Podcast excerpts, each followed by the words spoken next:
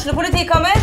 Ine Jansen er purk. Er du purk? The motherfucking bitch. Alt jeg vil, er å finne ut hva som skjedde med mannen min. Jon Carew. Er jeg sikta for noe? Iben Akeli. Det er du. Ole So, Lars Berrum og Big Daddy Karsten. Hvem sin side er du på, egentlig? Anette Hoff, Tone Danielsen, Kommer du fra Afrika?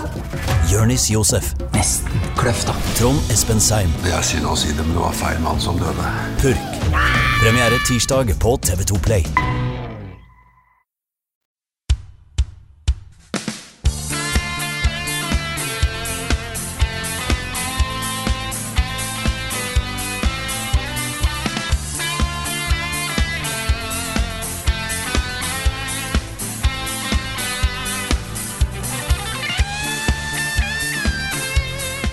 Sånn, da har jeg børsta støv av mikrofonen. Velkommen til en ny episode av podkasten Level Backup med Karl Martin Hogsnes, Rune Fjell Olsen og meg, Frida Danmo. She's back! I'm She's back. back! Hvem er du? Det var to veldig forskjellige reaksjoner. Ja. Det er For hver dag som har gått, Frida, så har jeg savna deg litt mer. Åh, det, det, Det er, eh, det er et eller annet i livet mitt som ikke har vært sånn som det bør være. Det, er, det, er, det er veldig rart, altså.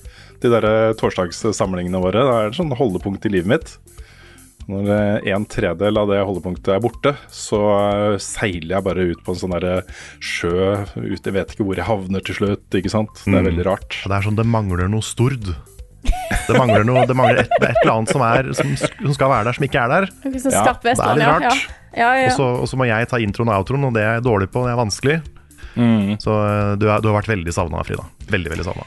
Åh, ja, det, det er fint å være tilbake igjen. For meg så har det vært litt rart, for jeg har på en måte bare tatt en pause fra mitt vanlige liv.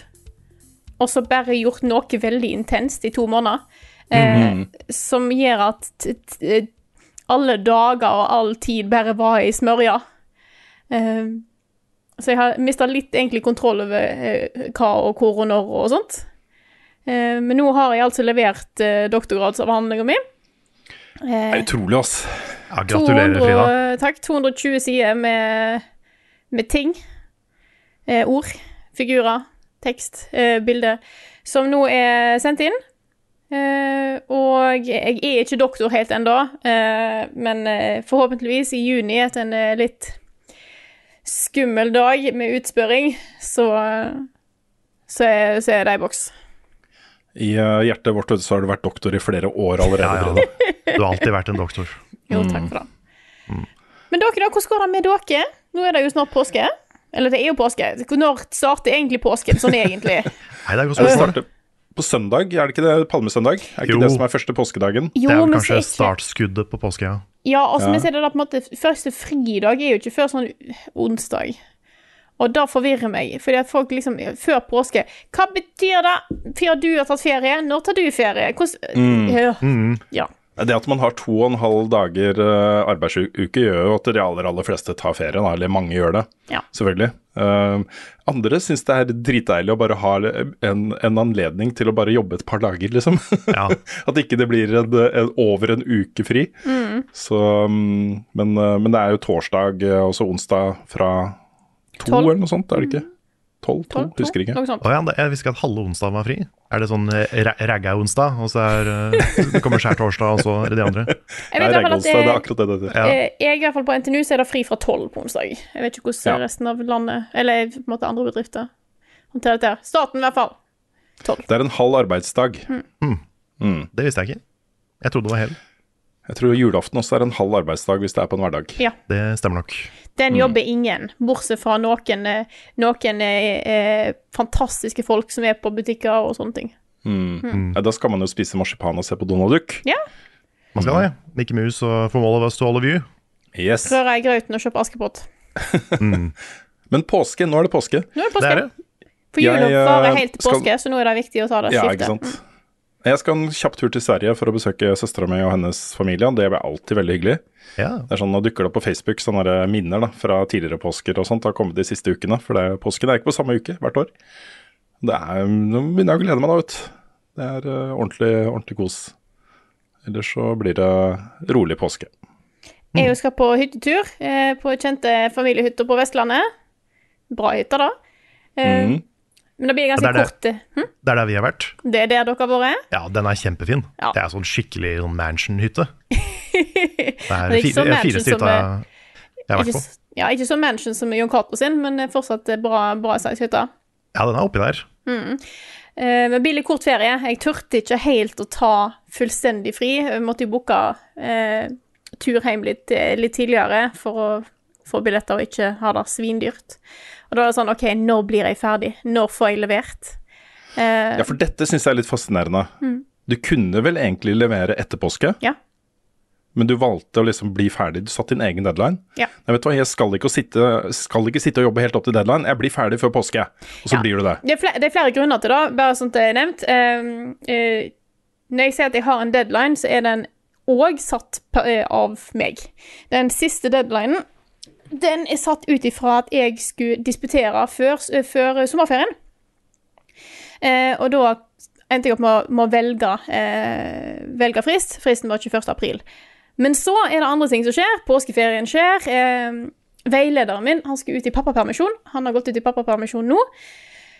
Og da er spørsmålet vil jeg eh, jobbe eh, Vil jeg på en måte ha det hengende over meg i påskeferien? Eh, hvor lett vil det være å jobbe for meg med en veileder som er på 100 pappapermisjon? Uh, og da bestemte jeg meg for nei, vet du hva, jeg blir ferdig. Dette får jeg til. Uh, ja, det er sikkert ting jeg kunne gjort mer. Ja, jeg kunne fiksa mer på disse artikkelen. Men jeg bare bestemte meg for at nå blir jeg ferdig. Og den siste uka, forrige uke, fy fader, jeg bare gikk rundt i en sånn der tåke. For da, da var det liksom, det var tomt. Det var ikke mer energi igjen i hodet mitt. Det var sånn, jeg bare, følte jeg bare sto der bare sånn, hva er dette for noe? Har, eh, for det frem til da så har jeg, har jeg hatt ganske god kontroll. Jeg visste at jeg må gjøre dette, jeg må fikse den figuren, jeg er nødt til å skrive denne de, eh, delen. Men på slutten der, når alt var skrevet, så gikk jeg fra å vite spesifikke ting jeg skulle gjøre, til å bare sånn Hva, hva gjør jeg nå? Skal jeg, skal jeg korrekturlese hele dritten? Skal jeg Ja. For du, du måtte du istedenfor å ha noen ting gjenstått, til alt må finpusses. Og da, ble, da, da bare smelta hjernen min. Så da måtte han være inn. Ja. Så enkelt, Så du, har- du har hatt en sånn liten crunch, på en måte? Jeg hadde to måneder crunch, jeg. Ja, to måneder med crunch. Ja. Har du drømt om figurer og setninger om natta? Jeg har drømt om avhandlinger, det har jeg. Ja. Ja. Da, jeg, tror ikke da, jeg tror ikke det er bra. Nei. Så godt å få det ferdig. Kult. Vi, vi må fortsatt plugge det som er på en måte den viktigste greia for vår framtid eh, fortsatt. Det er Folkeinvest-kampanjen til Good Game, Stemmer. og da im- implisitt oss også. Uh, og hvis ikke du har fått det med deg, så er jo det Folkeinvest er jo en sånn crowdfunding uh, av aksjesalg. Uh, en kampanje hvor hvem som helst kan gå inn og kjøpe, tegne seg for aksjer i forskjellige typer selskaper. Alt fra snusbønder til eh, eh, oppdrettsnæring og eh, folk som har gode ideer. Jeg fikk ikke med meg åssen det gikk med, med snusbonden. Nei, jeg vet heller ikke. Um, men uh, Good Game har jo vært ute der, og uh, vi er jo 51% eid av Goodgame Good Game i dag. Uh, og en av de tingene som de sier de skal bruke uh, de pengene de får inn på denne emisjonen, dette er en emisjon, folkens, det er jo å kjøpe resten av aksjene i selskapet vårt. Så dette er jo på en måte en uh, del av en litt langsiktig plan for oss også. Dette starta med de første samtalene vi hadde med Good Game, um, uh, da de uh, vurderte å kjøpe aksjer i selskapet vårt, Ja, før pandemien, det. før pandemien. The Um, old days. Ja, the sant? times. Og kongstanken vår er jo at uh, så lenge vi får ehm, forsikringer, og så ikke bare eh, noen som lover med eh, kors på fingrene i lomma, liksom, men skrevne, skrevne forsikringer i aksjonæravtale og sånne ting på at vi, vi har kontroll over det redaksjonelle innholdet og hvordan vi brukes i kommersiell sammenheng og alle disse tingene her. Til alt som er viktig for oss, alt som vi mener Level Up står for, og som er grunnen til at vi holder på med dette så ønsket vi en, eh, en ordning hvor, eh, hvor eh, vi kommer inn i en um, form da, hvor noen andre tar seg av business-biten. Kanskje hjelper oss med å selge ting og gå i møter og skrive søknader om sanne ting, liksom. Mens vi kan fokusere på å lage innhold. Vi, vi savna litt den derre følelsen av å være i, VGTV med et budsjett som var romslig, hvor vi hadde fasiliteter. Det var en på en måte vi Så, så dette er en del av vår langsiktige plan også. Dette er med på å sikre fremtiden til Level Up. Det er derfor vi er her. Og Good Game er en kjempegod partner for oss. Eh, ikke minst fordi de også har gamer.no, som vi er veldig sånn beslekta med. Det er en sånn søster, søstermedie for oss. Eh, de har også Vær varsom-plakaten, er journalister, har liksom de samme etiske retningslinjene som oss, og ikke minst da veldig hyggelige folk. Så, mm, så dette, er, dette, er, noe vi ønsker, og noe som vi gleder oss til. Um, den kampanjen tror jeg har blitt forlenga, for nå står det at det er åtte dager igjen. Så det er fortsatt mulig å tegne seg for, uh, for aksjer, aksjer, der. Og Minstemålet er jo nådd, så kampanjen er vellykka. Uh, men det er et stykke opp til makstaket, som er nesten 15 millioner. og jeg vet at, at jo mer som kommer inn i løpet av de siste dagene som er igjen, jo Eh, tryggere blir fremtiden til både oss og gamer eh, og hele Good Game. Så, så, hvis du vurderer å kjøpe aksjer, så er det fortsatt mulighet for det, og det, det vil hjelpe, da. Jeg har lyst til å ta et spørsmål her, fordi uh, dette spørsmålet har kommet inn en del. Uh, og det er fra Thomas Grimstad, uh, som spør da. Som uh, patronbacker har jeg lurt litt på. Nå som dere er med i Good Game, hva skjer med pengene dere samler inn fra Patron? Eh, får Good Game 51 av Patron-inntektene, eller er de 100% til dere? Der kan jeg forsikre alle om at det var et punkt som vi sørga for å ha med i aksjonæravtalen. Mm. Uh, og det er at Patron-inntektene skal gå 100 uavkorta til level up. Og så er det jo sånn da, at så lenge level up går med underskudd, som vi gjør i dag, så er det veldig lett å forklare at 100% av de pengene går rett til level up. Så spørsmålet blir jo mer da eh, eh, Hva skjer da hvis vi går med overskudd? Eh, hva, hvilke av pengene som vi går med overskudd med, går til eh, level up, og hvilke går til eh, good game, sanne ting. Men ifølge da aksjonæravtalen så går de pengene uavkorta til level up. Mm. Det går til Frida, det går til lønninger, det går til Espen og Svens. Det går til alle de nye frilanserne, det går til innkjøp av utstyr. Det går til alt vi trenger for å, for å drifte level up, og da lønningene våre selvfølgelig også. Så, så det, vær si, eh, trygge på det. Mm. Uh, og de pengene er kjempeviktige. Uten de pengene så hadde vi gått så svimlende underskudd at, um, at uh, vi ikke hadde kunnet fortsette.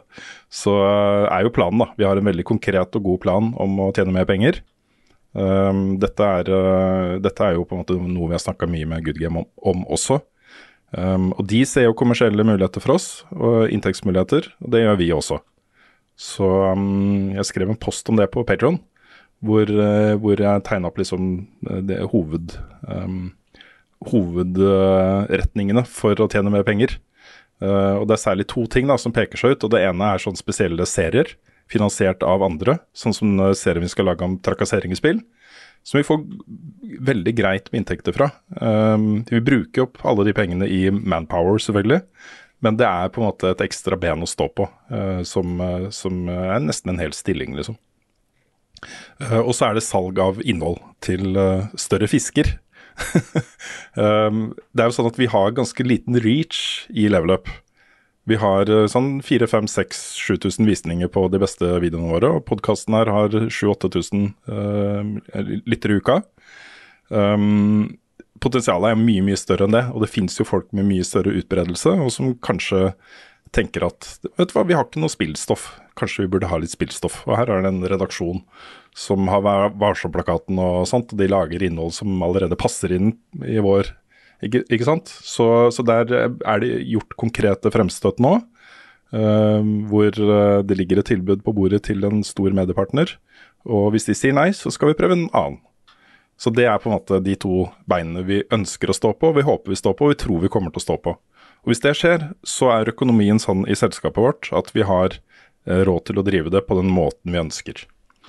Så jeg ble litt lengre enn jeg tenkte jeg skulle gjøre. Eh, hovedbudskapet er uansett at, eh, at dette, hvis, hvis, man vil at liksom level up skal eksistere, og at vi skal fortsette og at vi skal få uh, den satsingen i årene framover som, som, vi trenger, så, um, så, hjelper det å tegne seg for, for, de aksjene.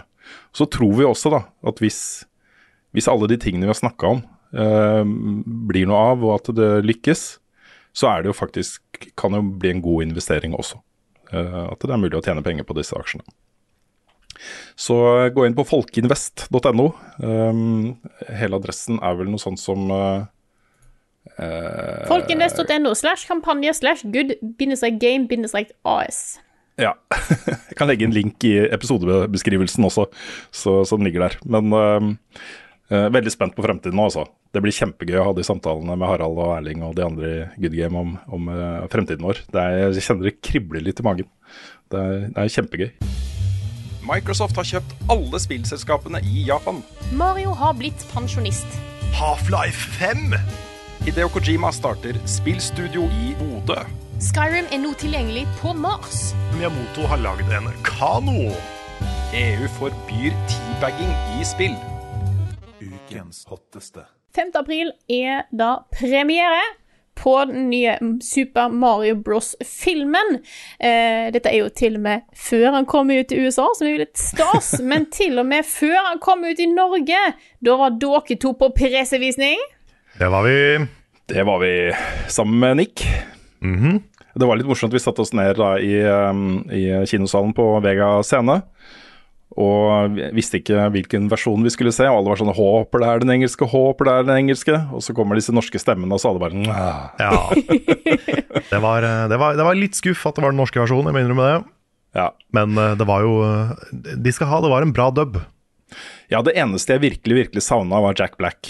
Ja, Det var ja, liksom, ja. Hadde, fordi um, det, det var en, en god uh, dub av Bowser, men det hadde vært også Jack Black. Det er bare Jack Black som er Jack Black, liksom. Så Ja, det var noen scener i den filmen, uten å spoile hva de er, som var skrevet for Jack Black. det er akkurat det. Mm. jeg, som jeg tror til og med Jack Black hadde skrevet selv. Ja, det kan godt hende. Det kan veldig godt hende. Det hørtes ut Så- som noe som han kunne finne på. Ikke sant? Um, så, men jeg, syn, jeg syns uh, Chris og Victor, FlippKlipp-gutta, uh, gjør en veldig god jobb altså, som Mario og Luigi. Mm. Uh, og det tok ikke så lang tid før jeg liksom ikke savna den engelske versjonen, da. Det eneste som er litt rart, er at Mario er fra Sørlandet og Luigi er fra Trondheim. Jo, jo, men det er sånn sånn må man akseptere i norsk film. Sånn er det på alle norske teaterscener og, Ja, ja jo. og serier osv. Så, videre. så um, Så ja. Men jeg skal se den igjen da på onsdag. Jeg har bestilt billetter, skal se den med kidsa på engelsk. Ja. Eh, og ikke minst 14. eh, april. Dette her er litt funny, da. Fordi eh, jeg begynte å finne, se på datoer sammen med Jakob i Vega. Og sånn ja, 14. april, fredag, det, ja, det kan passe. Så jeg sa ja til det. Det er bryllupsdagen vår. Oi, oi, oi. 15 år, 15 års bryllupsdag, 14., så da jeg fortalte det til kona, så ble det ikke så happy, da. Nei, men da kan du ta med kona på Mario. Ja, det var visst ikke så aktuelt, skjønner du. Så nei, vi skal finne på noe annet, da. Kanskje lunsj eller frokost på et eller annet fint greier eller noe sånt. Ja. Men uansett, da. 14. april klokka 18.00 på Vega scene i Oslo. Så er det da visning av eh, den engelske versjonen av denne filmen, med en innledning av deg og meg, Carl. Det stemmer. Og så er vel Jakob og sjefen for Vega skal også være med og stille oss litt spørsmål. Det blir sånn paneldebatt. Vi skal sette på en måte denne filmen inn i litt større kulturperspektiv, ikke sant. Så um, snakke litt om uh, Marios uh, uh, standing i populærkulturen. Eh, og, og sånne ting. Og Da hjelper det å ha akkurat laget en rangering av eh, alle eh, mainline Mario-spillene ever, For eksempel. For eksempel. for eksempel. Det hadde vært gøy å bare erstatte filmrullen med den originale Super Mario Bros.-filmen. Fra 80-tallet. Oh, Ja. ja. det hadde vært noe. Men øh, filmen Ja. jeg, jeg ble veldig Også jeg hadde null forventninger. øh, og hadde liksom nullstilt meg før jeg så den. Tenkte at dette kan bli bra, det kan bli kjedelig, det kan bli eh, cash grab, det kan bli, kan bli hva som helst, egentlig. Jeg var kjempefornøyd. Jeg syns dette var en utrolig flott feiring av Mario-universet. Og helt åpenbart lagd av noen som er glad i det universet. Ja, jeg er helt enig. Det, jeg hadde jo litt forventninger etter å ha sett en del av de trailerne og de klippa de har sluppet på forhånd. For her, er- her er det liksom Her har de gått 100% inn for å lage en autentisk Mario-film. Med alle liksom referansene og musikken og Alt er Mario, på en måte. Mm. Det er enda mer selvsikkert Mario enn det Sonic-filmen er Sonic. liksom. Wow. Her er det ikke noe Mario er uh, transportert til en eh, live action-virkelighet. Det er ikke noe sånt. Nei. Her er det bare liksom Mario-universet, og det er det. Ja. Og det digger jeg. Jeg synes det, er, det er så kult at det er mulig. De føler ikke at de trenger å forklare hvorfor blokkene svever og alle de tinga her. Det bare er en naturlig del av det, det universet her, da. ja. Og så er uh, Jeg, jeg synes som, som en origin story, da, for det er jo en slags origin story, som baserer seg på den fra den gamle Super Mario tegneserien, hvor de er fra Brooklyn og uh, havner i Ja, ja. The Mushroom Kingdom. Jeg syns det, det var kjempegøy. Det var, det var en bra film, og det var mye humor, og det var god stemning, og det var eh, feel good. Det eneste jeg savner, er kanskje en litt sterkere sånn emotional core. Mm. Um, sånn, det, det er ikke en film som Det er sannsynligvis ikke en film som får deg til å grine. Nei, det var den eneste tingen jeg satt med også, for jeg husker da vi gikk ut av salen, så var jeg sånn eh, litt sånn eh, boblende glad. Dette var en utrolig flott opplevelse, og veldig lett å anbefale, og ville gitt en høy score. Vi snakka litt om det, jeg tror jeg nok hadde havna på en åtte av ti. Um, og det syns jeg det fortsatt fortjener. Men det tok liksom ikke mer enn en time eller to før den var liksom i, godt i bakspeilet. Så det er ikke en sånn film som, som du sitter igjen med en sånn uh, følelsesmessig punch, da. Hvor, uh, hvor um, det blir liksom, den blir med deg lenge. Det er en popkornfilm, en veldig underholdende og godt skrevet og godt spilt Uh, og kreativ, oppfinnsom popkornfilm. Eh, og det, det mener jeg er på en måte også å ta Mario-universet litt på alvor, da. Uh, det er en eh, jeg, jeg, jeg tenker det er riktig måte å gjøre det på. eh, når, når det blir gjort så kreativt og oppfinnsomt som det er gjort her. Ja, jeg er enig i det, altså. Og det, mm, det er jo en sånn herlig fanservice-film på mange måter. Eh, ikke, bare av, ikke bare for Mario, men for Donkey Kong. Ja. Der er det jo masse. Alle de gamle, liksom, litt sånn obskure kongene dukker jo opp. Til og med Chunky Kong er der i, i publikum. Oi, Ja. oi. Og så kommer da DK fram til lyden av The DK Rap. Som også er sånn her, fy fader. They, they did it. Ja. Og så har de også uh, blanda litt universer her. Eh, Mario og Luigi blir jo separert. Og Mario havner jo i Mushroom eh, Kingdom eh, sammen med prinsesse Peach og de greiene der, mens Luigi da havner eh, i Er det Dark Kingdom det heter? Jeg husker ikke. Darklands eller et eller annet sånt. Et eller annet sånt, ja. Og da er det jo straight out uh, Luigi's Mansion. Han går jo rundt med lommelykta si og er kjemperedd og, og sånt. Og det også funker kjempebra. Så er det litt Mario Kart inni der, det er kult. Det er en Og ikke minst også Toad med ryggsekken og, og sånt. Så Ja. du, du får liksom flere sånne spillserier som blir blanda inn i en sånn egen greie her, da. Jeg tror ikke de noen gang kaller han Captain Toad, men han er jo på en måte Captain Toad. Ja, er jo, er jo det. Kanskje han blir kaptein etter begivenhetene i den filmen her. Ja, kanskje det. At dette er, dette er starten på Captain Toad. Ja, Det er origin-historien hans. Men det- du får jo følelsen av at dette her er starten på en uh, giga-franchise. Uten tvil. At de, de kanskje ikke begynner med liksom crossovers til Zelda og sånn ennå, hvis, hvis det kommer. Men dette er, dette er den første filmen. Det er ikke filmen, liksom. Ja, så introduseres det jo som et multiverse også, ikke sant. Så, Det er det. så det, alt er litt åpent nå for uh, fullstendig Nintendo-dominans på, på kino i årene framover. De har vel mer eller mindre bekrefta at det kommer en Donkey Kong-film? Det er i hvert fall veldig veldig sterke rykter om det. Det, vel, det var vel et intervju med Seth Rogan, Ja, um, som spiller da Donkey Kong i den engelske versjonen vi ikke har sett ennå. stemmer. Hvor det blir med, vel mer enn antyda, uh, sånn som jeg forsto det. Så, så her er det jo mange muligheter, og denne filmen viser jo oss at det faktisk går an. Og Det var jo en av de tingene jeg hadde tenkt litt på på forhånd. Fordi jeg, jeg synes jo, altså jeg vet det er masse law her, og at det er mye bakgrunnshistorie og sånn, men jeg syns fortsatt lawen i Mario-universet er ganske grunt, da. Ja. Eh, dette er en serie laget for, uh, for gameplay mechanics og, og mm, eh, kreativitet i oppgaveløsning og den type ting. Ikke nødvendigvis at du skal bli dritgodt kjent med alle de hundre lagene til denne rørleggeren fra Brooklyn, liksom. så, eh, så det var den tingen som jeg var litt sånn ikke stressa for, men jeg tenkte hvordan skal de løse det? Um, og da, det gjør de da ved å lage en, en, en litt sånn lettbent underholdningsopplevelse for hele familien, med masse humor og godt manus og, alle disse tingene. God dialog. Eh, mye kreativitet i, i location, location, location. Ja, ja, helt klart. Og de har jo um, Dette er jo Illumination, som står bak uh, Grusomme meg og Minions og alt det her. Og det er nok den beste filmen jeg har sett fra de. Og det syns jeg også. Selv om det er elementer av Grusom meg som jeg syns er dritkult. Så jeg er enig i det, altså. Og så syns jeg, det, Dette er jo litt mer sånn overbyggende poeng, da. sikkert en ting som vi kommer til å snakke mer om på Vega scene også. Eh, men hvis du ser på det som blir lagd nå av, eh, av eh, crossover-produkter basert på spill, om det er TV-serier eller film eller noen sånne ting, så er det helt åpenbart nå at dette begynner å bli lagd av folk som har vokst opp med spill, som har et nært og kjært forhold til spill, og som virkelig ønsker og brenner for å lage et, et bra eh, produkt. da. En bra film eller en bra TV-serie. eh, som, eh, som kan stå skulder ved skulder med liksom tilsvarende type innhold som ikke kommer fra spill. Og det er så godt å se, altså. Eh, Dette er på en måte et synlig bevis på hvor langt spillet har kommet. Hvor viktig det er for populærkulturen. Hvor viktig det er for liksom skapere av kulturuttrykk. Om det er film eller TV-serier eller, eller tegneserier eller uh, hva det skal være. At dette er på en måte en del av deres DNA.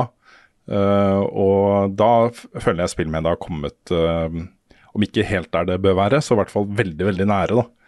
Dette er integrert i liksom hele kulturbildet på en måte som det ikke har vært før. Det syns jeg er veldig positivt. Ja. ja så det, er litt den samme utviklinga som superheltfilmer har hatt. At eh, veldig mange av de var veldig sånn grunne og ikke så veldig basert på kildemateriale. At de tok seg litt mange friheter for å appellere til noe det ikke egentlig var. Mm. Og sånn var jo spillfilmer også, men nå har de Absolutt. begynt å komme over det, og det er kult. Dette er en, en Mario-film som er liksom 100% confidently Mario. Mm. Som er alt det motsatte av det den forrige var. Og så håper jeg jo det blir en suksess òg, ikke sant. For da åpner det opp for enda mer, sånn som The Last of Us på, på HBO også.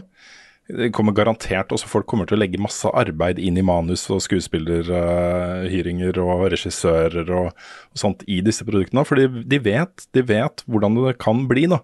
Og hvordan det kan bli tatt imot. Og Det som er litt unikt da med adaptasjoner generelt, er jo at her har du allerede en, en målgruppe som har et forhold til dette universet og eh, ønsker og um, uh, forventninger til hva de kommer til å oppleve. Uh, og så kan du nå en helt ny målgruppe også, i tillegg. Uh, og da vil vi jo gjerne ha noe som treffer da, de som har på en måte vokst opp med det eller har et forhold til det fra før.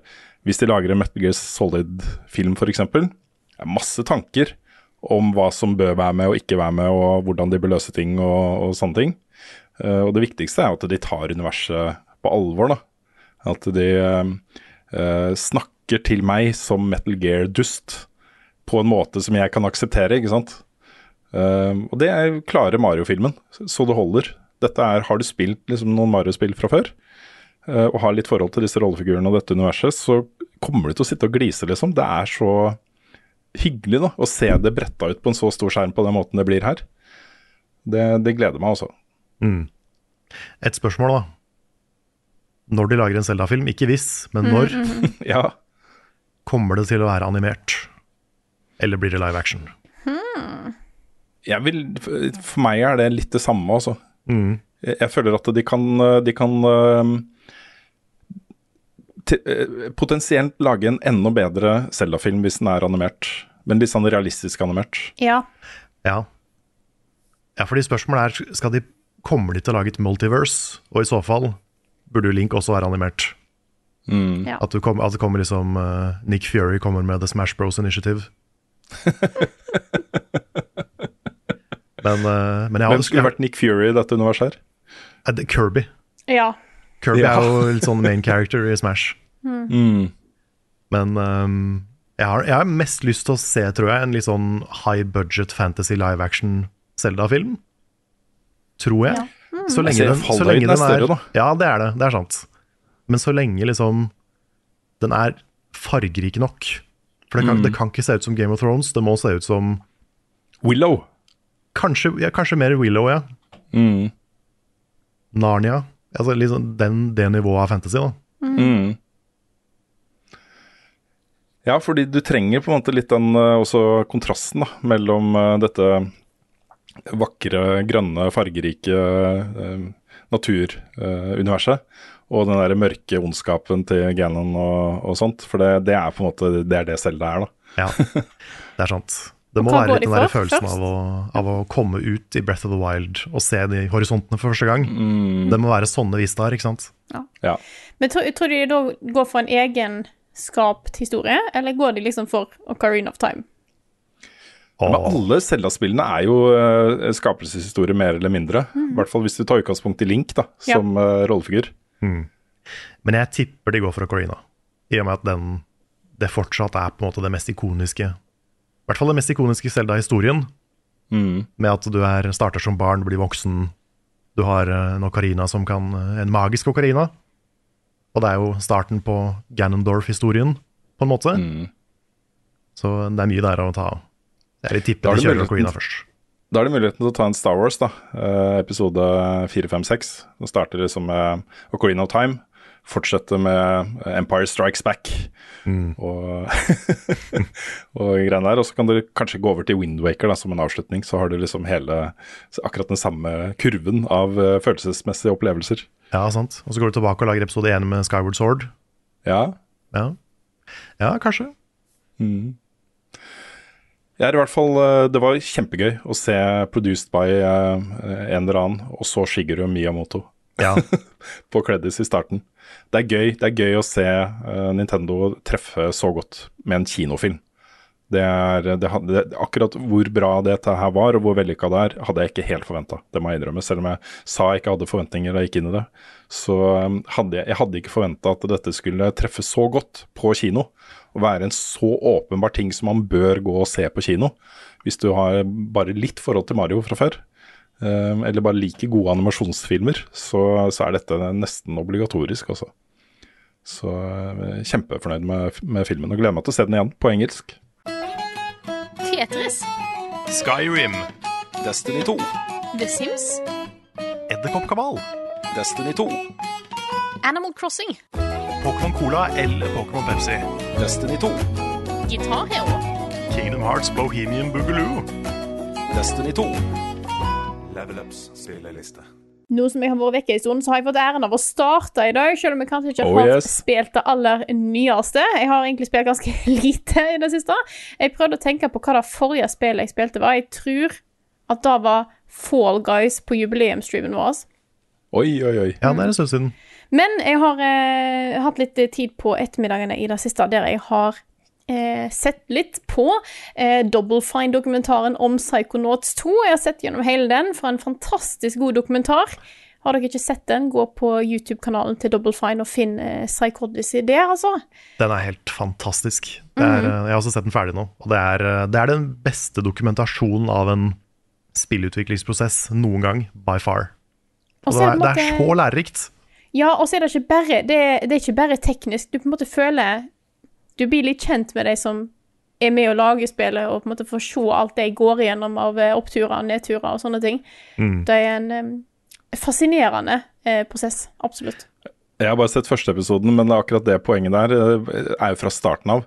For der har du jo masse klipp fra sånn 2003-2004, og så snakker de med de samme personene igjen i dag. Og De har blitt mye eldre, de er fortsatt i selskapet, det, men det er de samme personene. Og de, allerede der i første episode føler jeg at jeg begynner å bli litt kjent med de og eh, bli litt glad i disse folka. da. Ja, det er, noen, det er noen story arcs og noen omveltninger underveis. Mm. Absolutt. det, det er jo ikke bare liksom spilldesign, men det er en sånn dokumentering av, av en kreativ prosess. Alle som har jobba i teams med noe kreativt, kan kjenne seg igjen i ting der. liksom. Så det er veldig kult. Og i den sammenhengen så tenkte jeg nei, får jeg begynne å spille på Psychonauts 2 på nytt igjen. Så da har jeg eh, Ja. begynt med. Hadde en eh, solid bolk i helga, eh, og jeg koser meg sånn med det spillet, altså. Jeg er jeg er ganske langt ute i på Bob Sonato-nivået nå. Ja, Da er du langt. Ja, ja. Jeg bare face gjennom meg. Så jeg har på en måte selvfølgelig Jeg har spilt det en gang før. Jeg gjorde ikke like mye utforsking og sånt denne gangen. Nå var det mest for å få med meg historien på nytt. Eh, det skal jeg innrømme.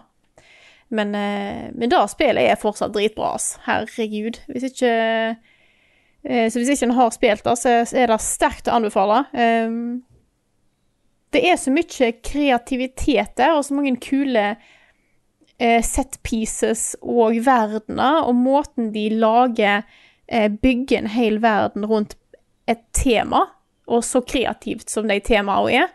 Eh, er helt, helt fascinerende. Det er helt sant. Det spillet er kjempebra. Det er ikke så mange 3D-plattformspill som blir laga lenger. Nei. Så dette er eh, veldig verdt å spille hvis man liker sånt. Og i tillegg så får man en uh, svær historie som er skrevet av Tim Shafer. Det er aldri feil. Nei, Psychonauts er et litt sånn uh, herlig beist i spillmediet, altså. Det, er, uh, det, det har på en måte alt Alt som skal til for å skape en sånn opplevelse som øh, bli med deg uh, lenge. Uh, det er gøy å spille, men det har øh, mange lag bak der. Med subtekst og smarte formuleringer og kule rollefigurer som er litt interessante og har et, øh, en bakgrunnshistorie som treffer ganske godt. da.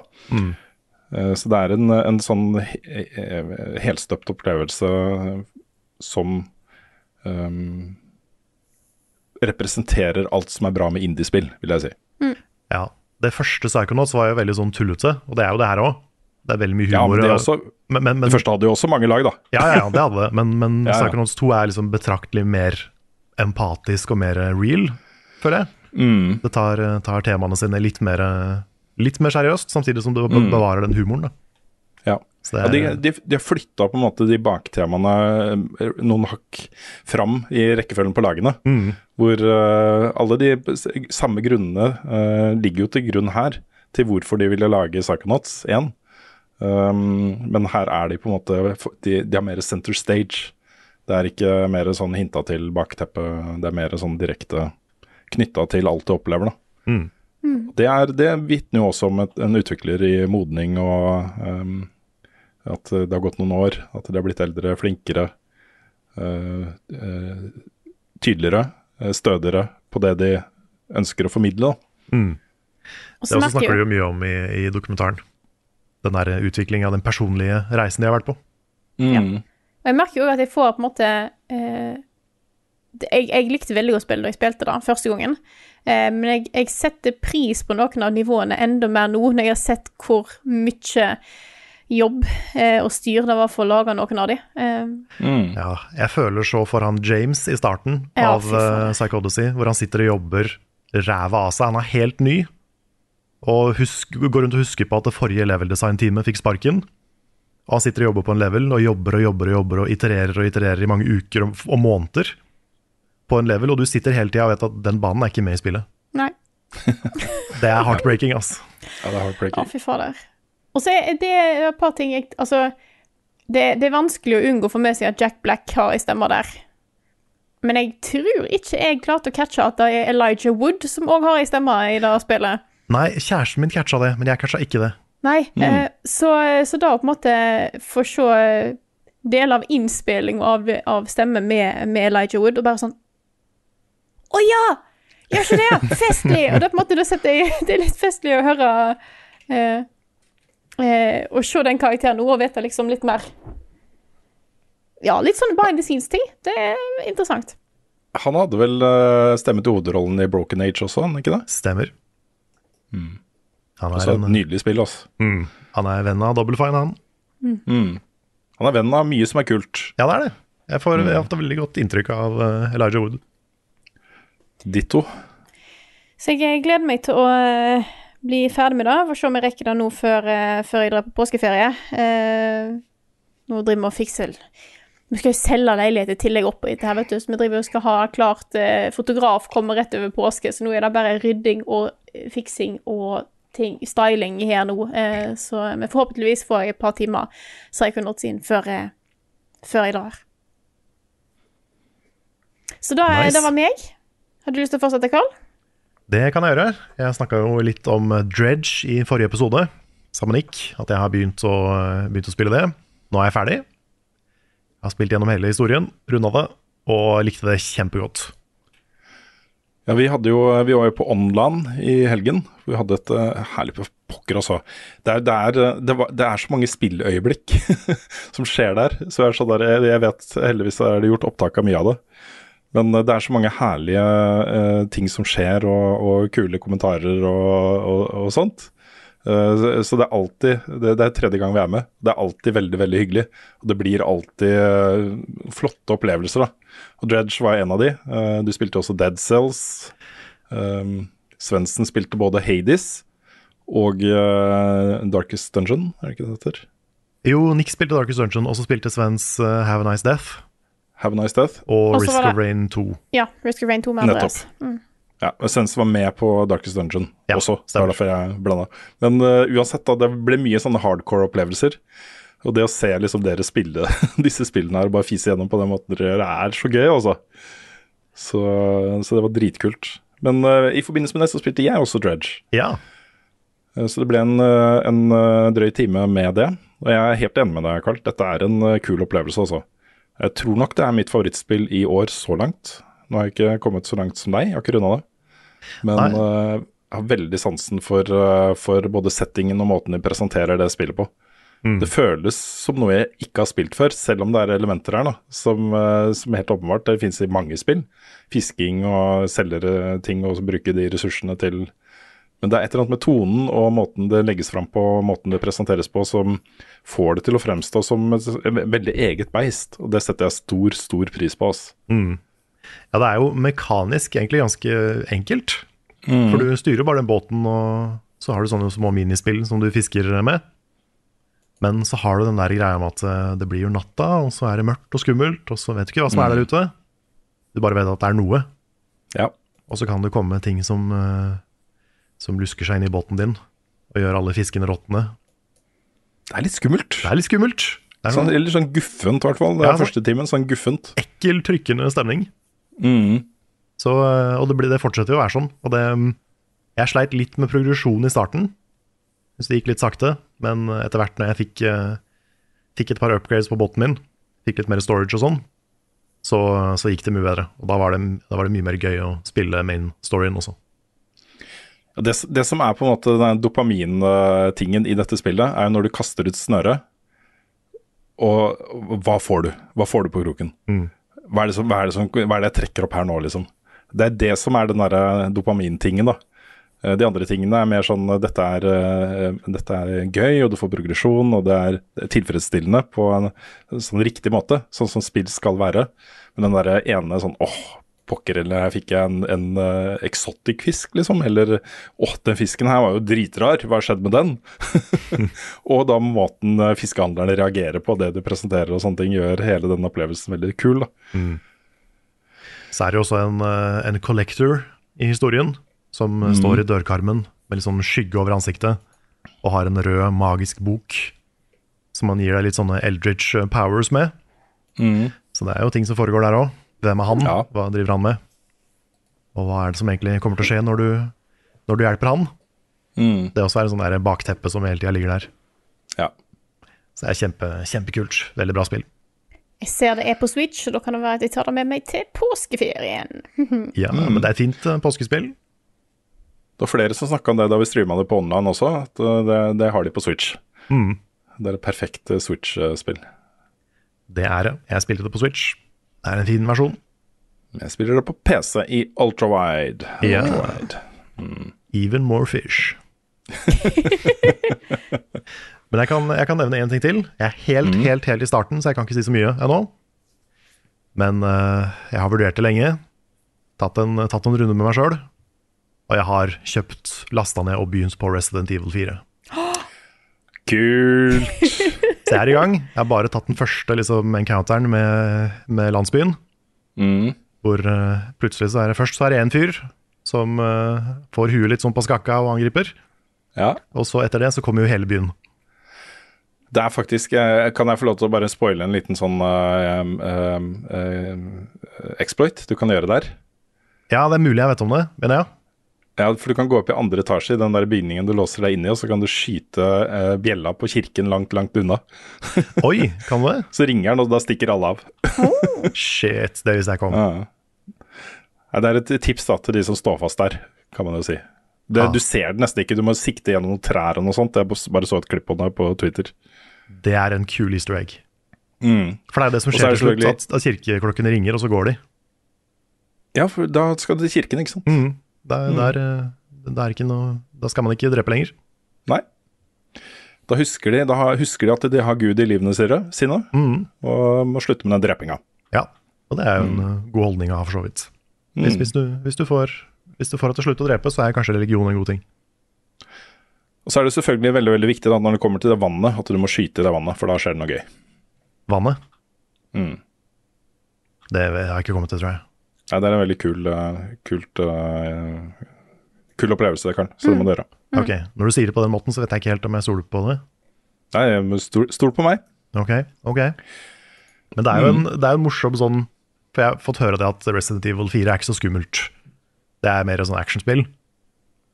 Og det er ikke så skummelt ennå, men det er jo ikke, du slapper ikke av når du spiller det. Nei, det er veldig intenst. Ja, det er sånn du, du, Det er det. du har en fyr med motorsaga kommer og tåler fem headshots pluss. Mm. Så blir det sånn Ja, hva gjør vi nå? Da, nå det jo her dette starta, vet du, Karl. Fordi um, um, fram til da så hadde det vært, uh, det hadde vært færre fiender du skulle slåss mot dem samtidig. Mm. Uh, det hadde vært mer sånn rett fram hvordan du skulle ta det ut, uh, eventuelt om du skulle løpe forbi. Uh, her introduserte du nærkamp, Ja. uh, og det er på en måte meningen at du skal gjøre det mye, da.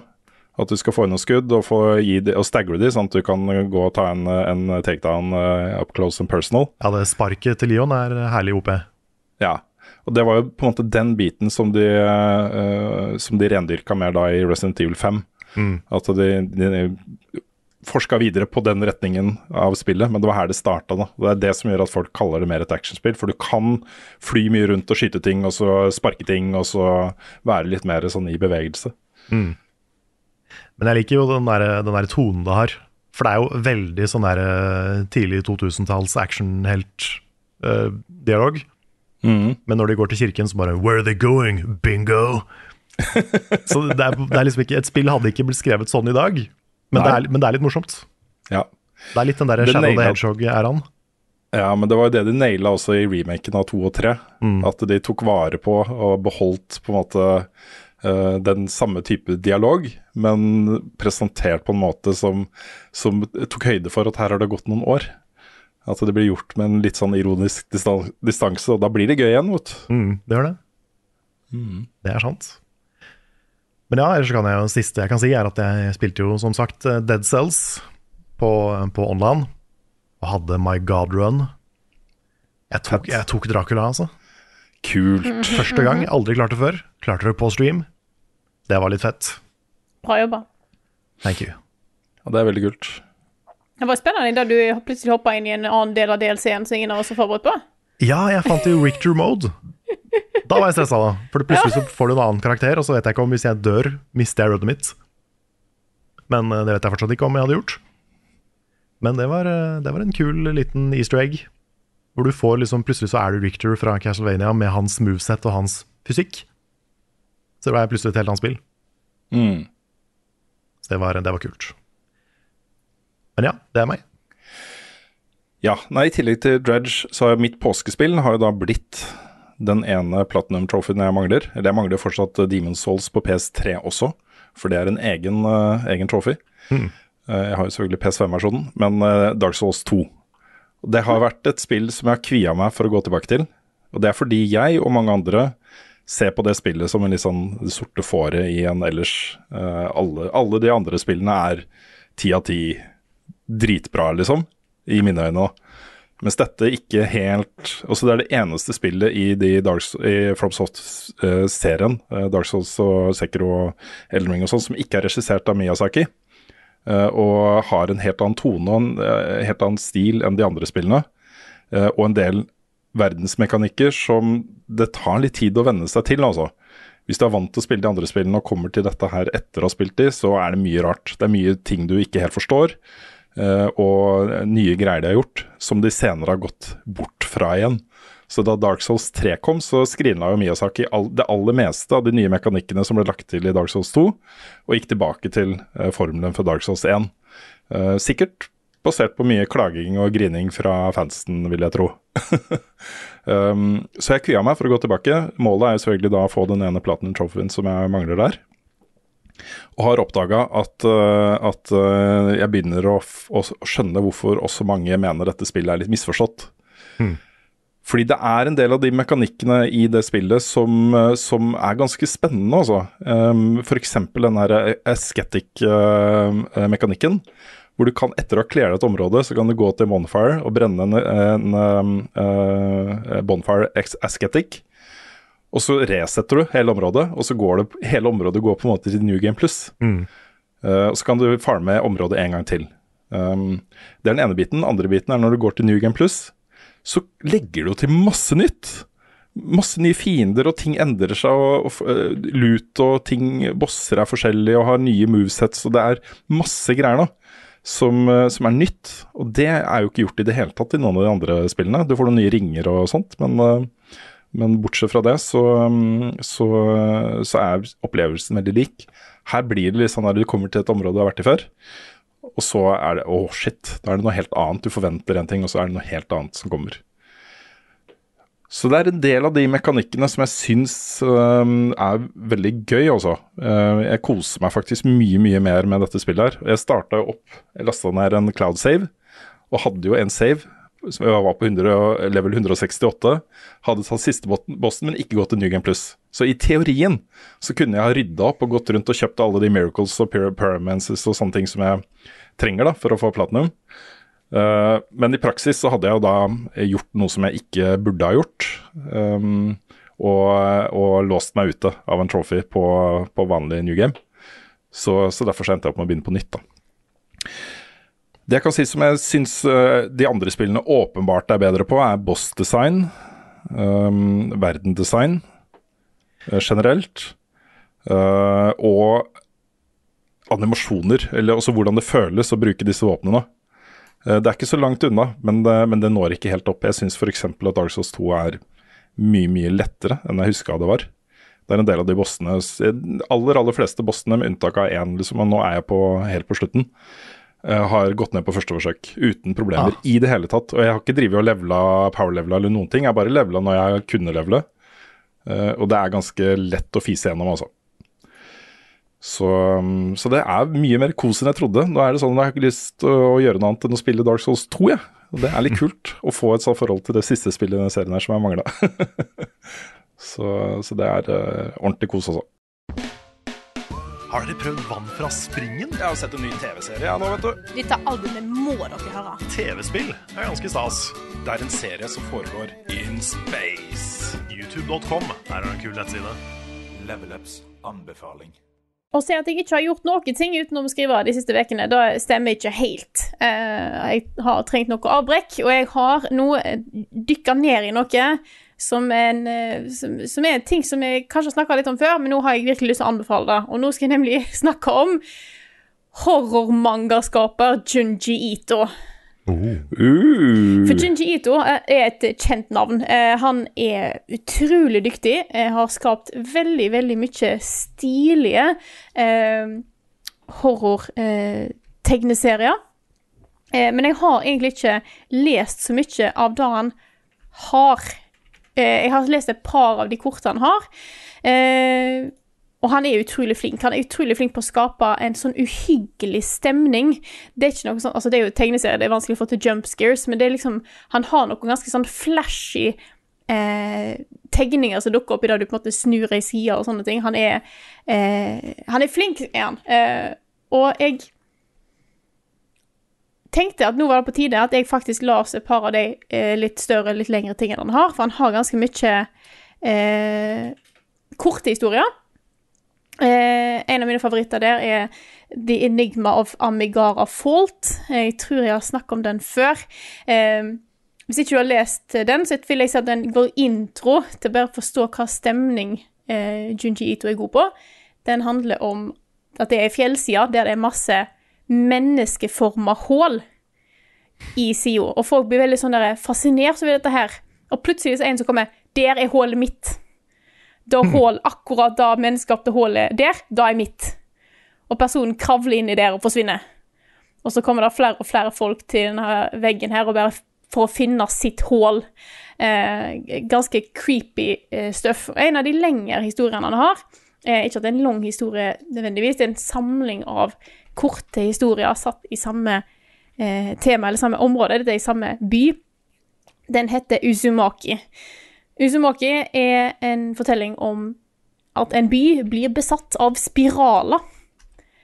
Eh, det først begynner med at noen begynner å liksom bli helt sånn obsessed med spiralformer, og så skjer det ting. Eh, folk blir eh, psykisk og fysisk warped av spiralene, og ting går ganske, ganske gale ganske fort. Og det er noe med hans måte og egenskap til å lage helt sære små univers som fungerer på veldig sånne utenomjordiske måter, uten at de nødvendigvis har en forklaring på hvorfor. Og det er ikke alltid at historiene har en sånn 'Å, nå har vi endelig beseira ondskapen'. Eh, det er gjerne bare på en måte en snapshot av hva er det som skjer i disse plassene, disse områdene, det at ting er skikkelig weird.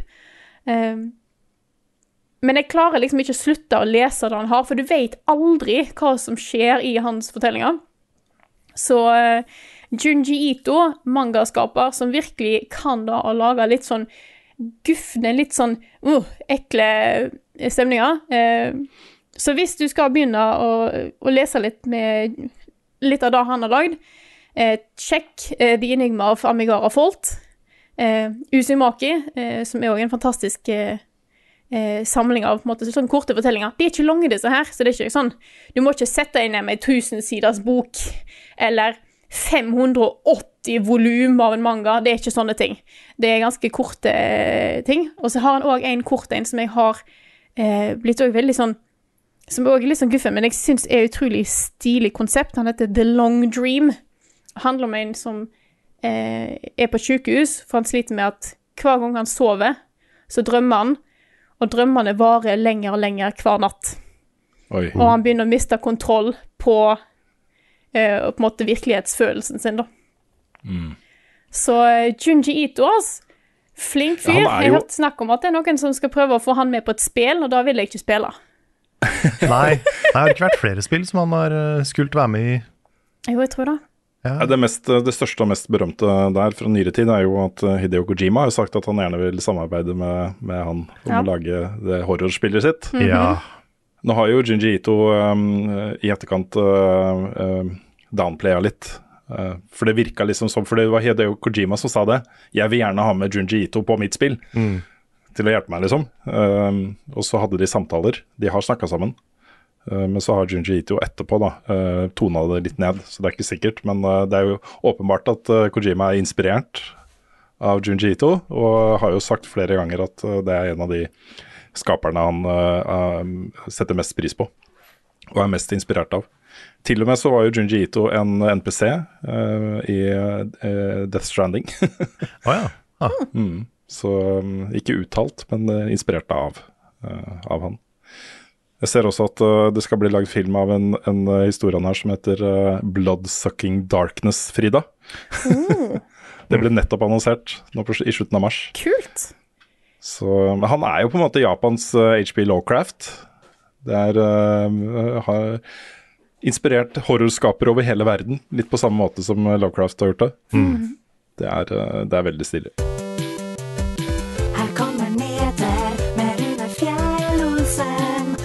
Han er ikke hår. Da begynner vi med en eh, nyhet som jo lå veldig i kortene etter, eh, etter forrige ukes episode av podkasten her. Etter at da Ubisoft også trakk seg fra etere. Etere er nå avlyst. Det blir ikke noe fysisk event, ikke noe digitalt event. Det er bare avlyst. ja. Det er, Det er jo eh, basert på at ingen, det er ingen av de store som eh, hadde lyst til å ha noe stands på gulvet der. Og da blir det vanskelig å ha en messe, altså. mm. Det er ingen av de store og ganske få av de små, til og med. Ikke sant? Så, um, så det lå veldig i kortene. Jeg, vi har jo snakka om dette i mange år nå, men etere som fysisk event har jo på mange måter utspilt sin rolle. Um, det det starta jo med at både Sony og Microsoft og Nintendo begynte å flytte liksom, pressekonferansene ut av messegulvet, ha sine egne greier. Hvor det også ble, var liksom satt opp hotellrom hvor du kunne intervjue utviklere og sånne ting. Det, alt det viktige med Sony og Microsoft og Nintendo foregikk på andre steder enn det fysiske eteret. Eh, Det var sånn det starta. Og så kom jo pandemien på toppen av det. Eh, Det kom en del kontroverser hvor eh, det ble kjent at de deltakerliste til medierepresentanter lå jo fritt tilgjengelig for hvem som helst med kontaktinfo og masse detaljer, liksom. Eh, Så det har vært et, eh, et varsla eh, eh, En varsla nedleggelse, vil jeg si, over mange år.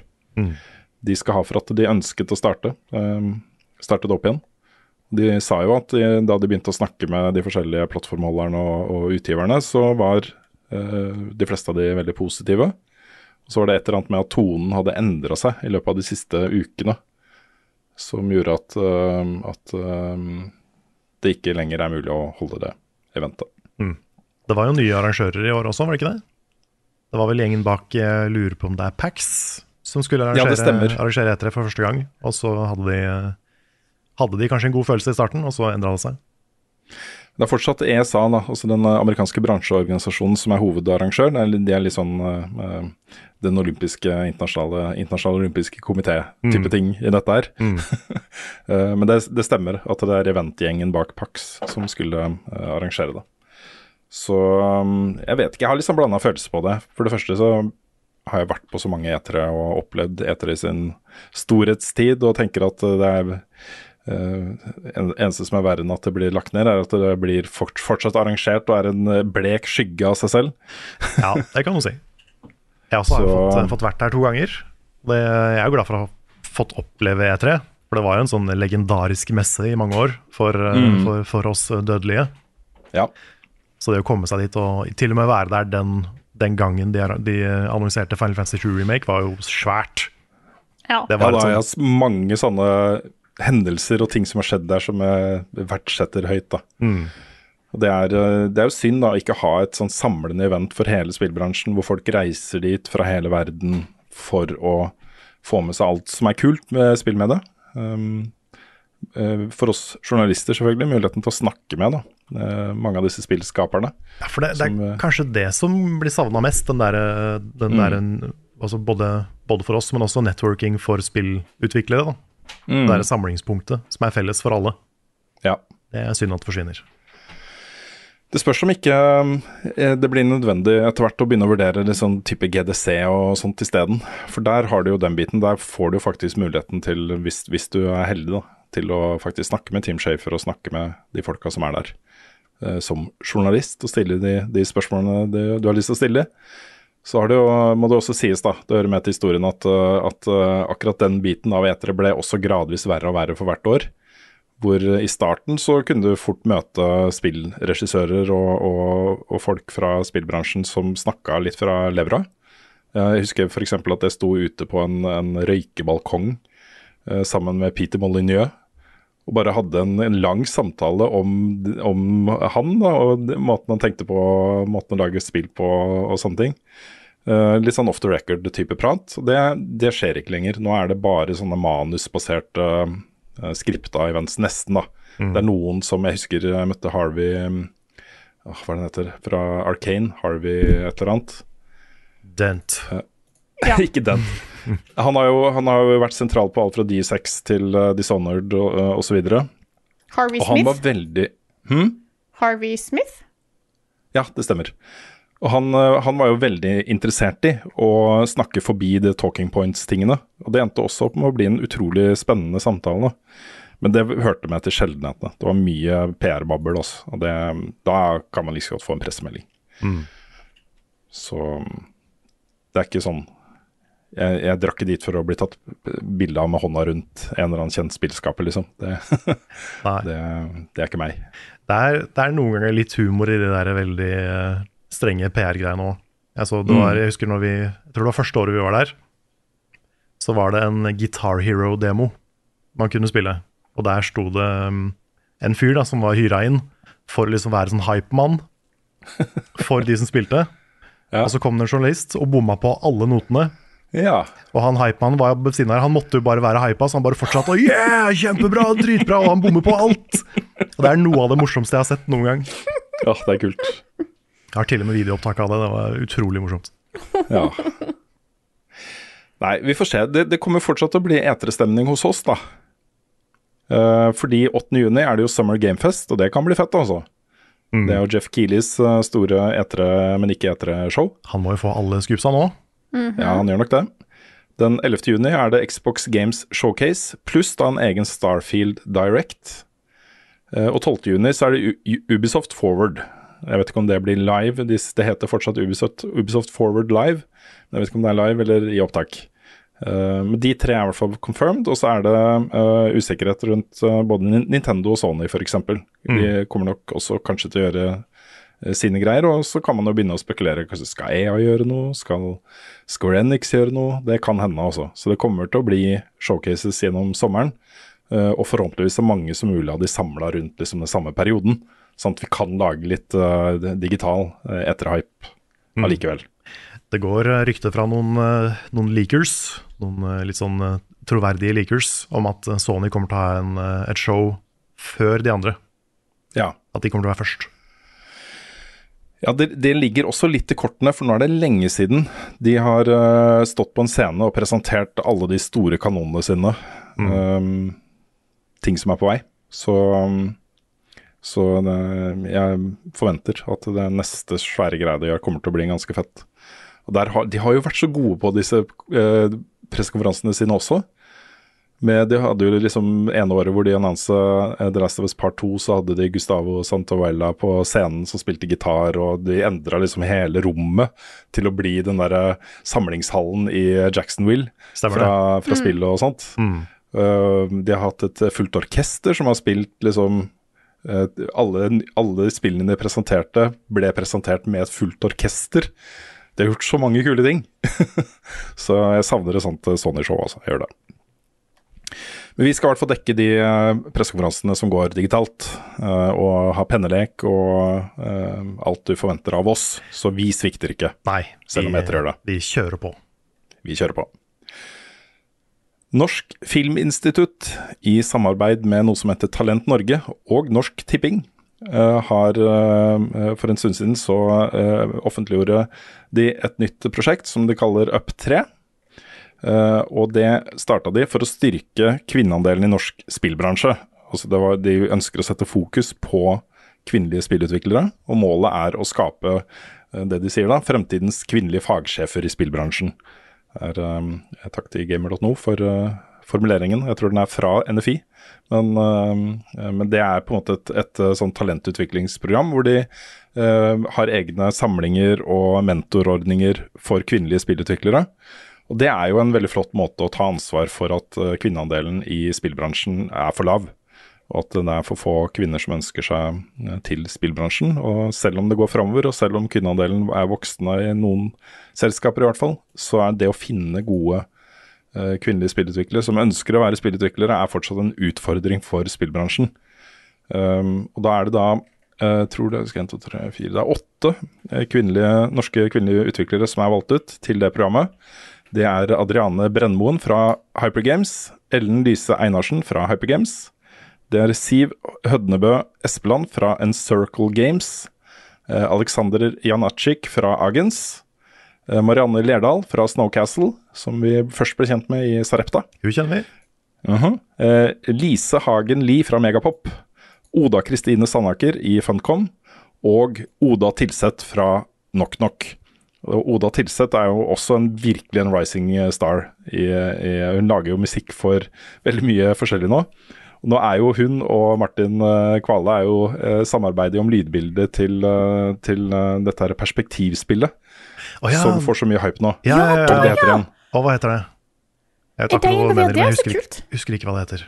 Ja, det må vi prøve å finne. Kan ikke en begynne å google litt Ja Kvale per perspective game? Jeg Eh, etter Jeg er vet du flink, skal vi se.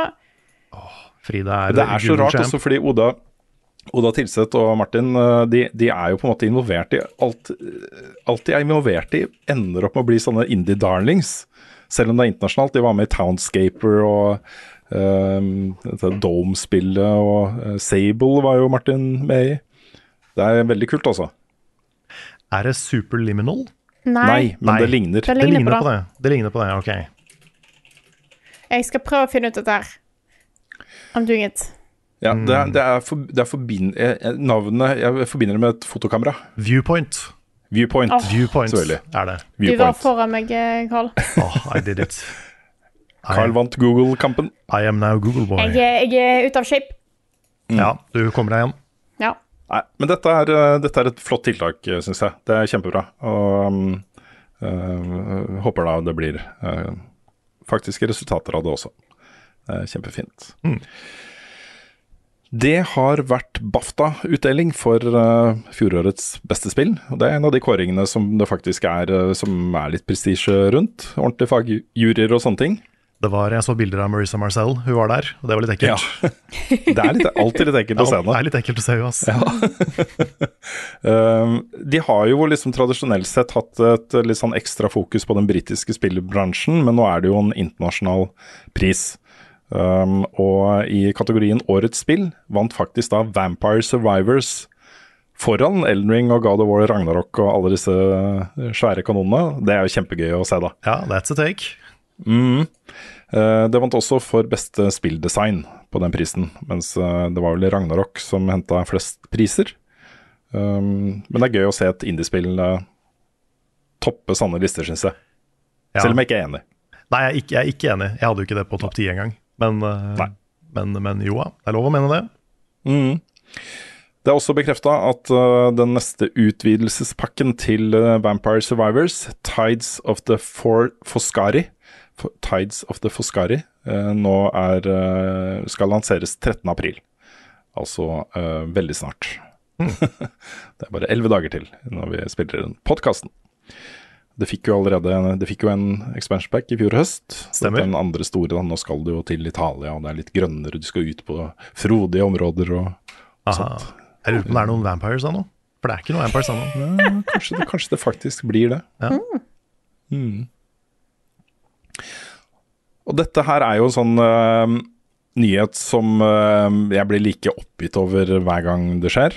Um, du så det med uh, Star Wars og en kvinnelig skuespiller som fikk kritikk for måten hun hadde portrettert rollen sin på.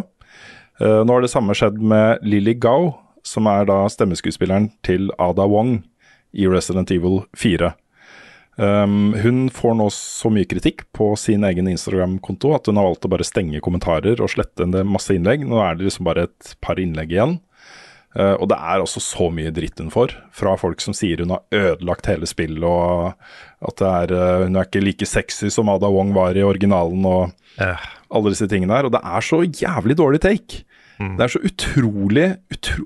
Altså at ikke jeg, jeg, jeg skjønner ikke at disse gutta, da Dette er drittunger, altså. Ja. At ikke de forstår hvor langt utenfor, uh, utenfor det normale de er. Dette er jo utrolig dustete.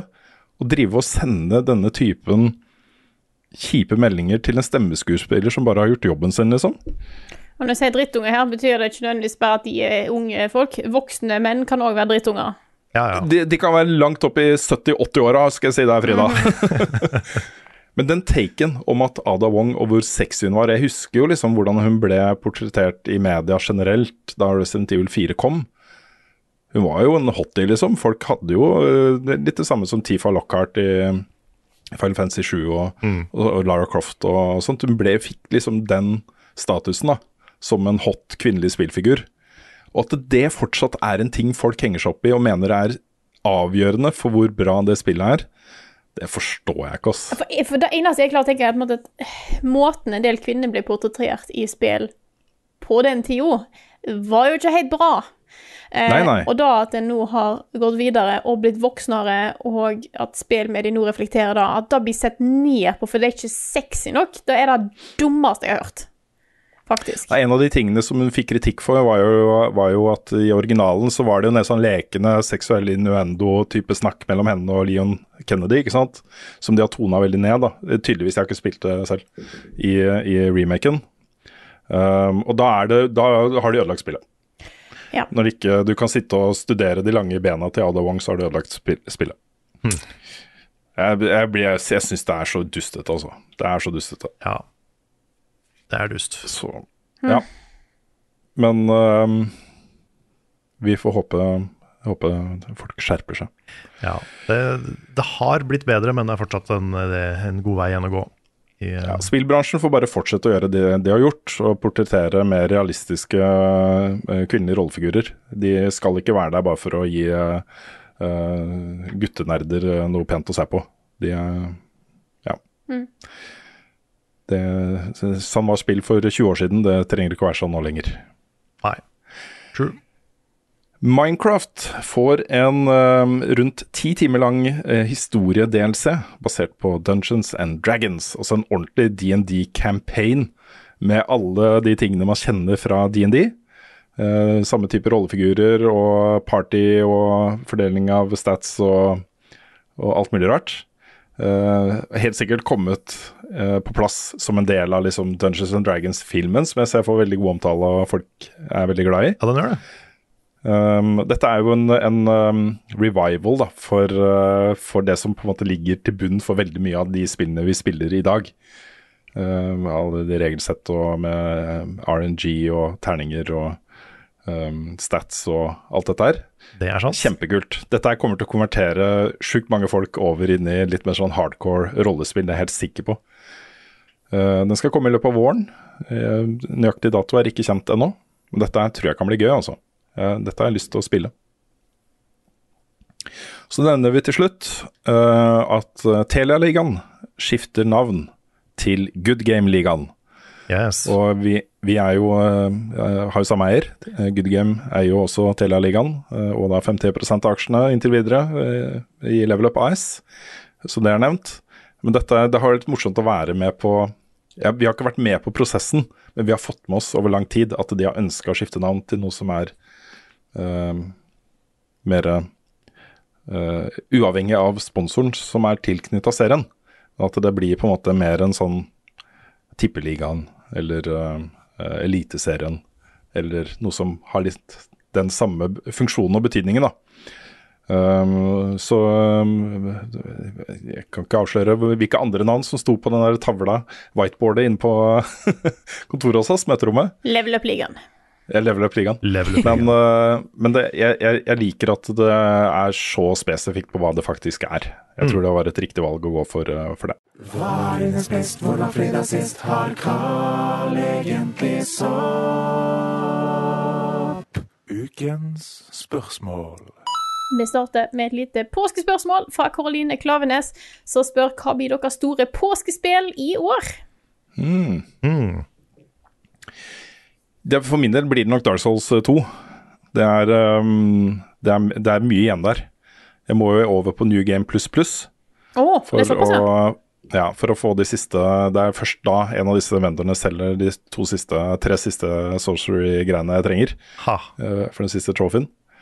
Um, men i tillegg til det så er det jo ikke så lenge til Minecraft Legends kommer ut. Jeg har jo et håp om at det skal dukke opp noen koder til det i løpet av påsken. For det er en sånn type kose Kan fort bli sånn kose-påskespill. Å spille i co-op med, med folk. Så, så blir nok et av de to, tenker jeg. Håper jeg. Det er et uh, fi, det fine påskespill, det. Mm, og så må jeg bli ferdig med Dredge. Ja. Dredge er perfekt. Ja, for jeg tror nok eh, Nå skal jeg prøve å få fullført Psychonauts 2, og så blir det nok videre på Dredge for min del. Jeg, jeg vurderte å spille gjennom Psychonauts 2 igjen, jeg òg, etter at jeg så Psycho Odyssey. For det er sånn, du får en sånn helt annen respekt for det du spiller, på en måte. Så det har jeg veldig lyst til. Vet ikke om det blir i påsken, men det blir i hvert fall snart. Ellers så blir det nok Resident Evil 4, altså. Ikke sikkert det blir et veldig avslappende påskespill, men uh, trenger kanskje noe litt chill i tillegg. Noe som er hakket mindre intenst. Men uh, jeg får se. Jeg har liksom vurdert å, å spille litt mer eh, Spille litt Breath of the Wild, men nå er, nå er mannen min har en eh, gjennomspilling på gang nå, så jeg får på en måte dekka litt eh, Breath of the Wild, eh, Zelda-abstinensene før 12. mai. Så, eh, så Men det kan være at jeg eh, putler litt med òg. Mm. Det er bare, det er bare kos, da. Bare spurta litt rundt i Hyrule og bare gjøre de samme tingene jeg har gjort to- to-tre ganger før. Ja, ja. Det er så kos, det. Jeg, jeg, jeg vurderer å spille Breath of the Wild igjen nå. Jeg bare har ikke lyst til å liksom bli burned out på den formelen før Tears of the Kingdom kommer. Nei, det er litt dag. Plutselig så sitter du i 30 timer og skyter av sånne der drageskjell eh, fra en hule ikke sant? for å få den beste armoren og Ja, ja. Yes.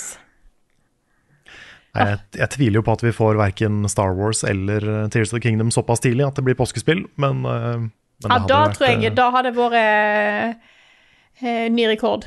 Det hadde vært lov å eh, håpe på rett etter påske, da, men eh, eh, jeg vet ikke. Nei, vi får se. Det blir spennende å se. Ja. Nei, har dere et eh, spørsmål på lager? Rune? Ja, det er litt sånn apropos, da.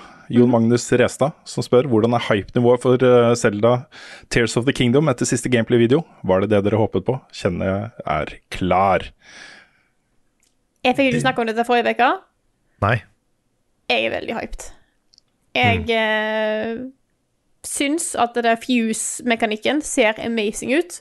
Eh, jeg så jo noen kommenterte på Twitter at eh, noen sånne mekanikker kan kanskje endre spillestilen sånn at det blir ikke vanskelig, men eh, annerledes å gå tilbake igjen til Breath of the Wild, der du ikke har de mekanikkene. Eh, jeg tror det åpner for enda mye mer frihet og kreativitet enn det det spillet allerede har. Så det er jeg veldig, eh, veldig gira på. Jeg er veldig spent på å se mer om eh, historien. Eh, veldig spent på å se det altså, Når du ser denne gameplay-greiene, så ser du ting med, med Death Mountain som er rart, eh, og de tingene der. Jeg er veldig spent på å se hva de har gjort med den åpne verden, Mm. og hva endringer de har gjort der. For der, de hinter jo til at det er ganske mye endringer som er gjort. Jeg er veldig spent på det. Så generelt bra, eh, bra hype-nivå. Eh, mannen min er på Island akkurat nå. Eh, jeg har planer om å bare spille Zelda. Det er min plan eh, for den helga. Ikke ta Ja. hensyn til at det er andre i huset eller noe som helst, bare Zelda. ja, det høres bra ut. Ja. -hmm. ja, mitt, mitt hypenivå er også helt på maks nå. Jeg, etter den forrige gameplay-demonstrasjonen så var jeg, jeg var så klar. Jeg vil bare ha det med en gang. Ja, det var, veld, det var veldig ok å faktisk se sammenhengende gameplay fra det spillet.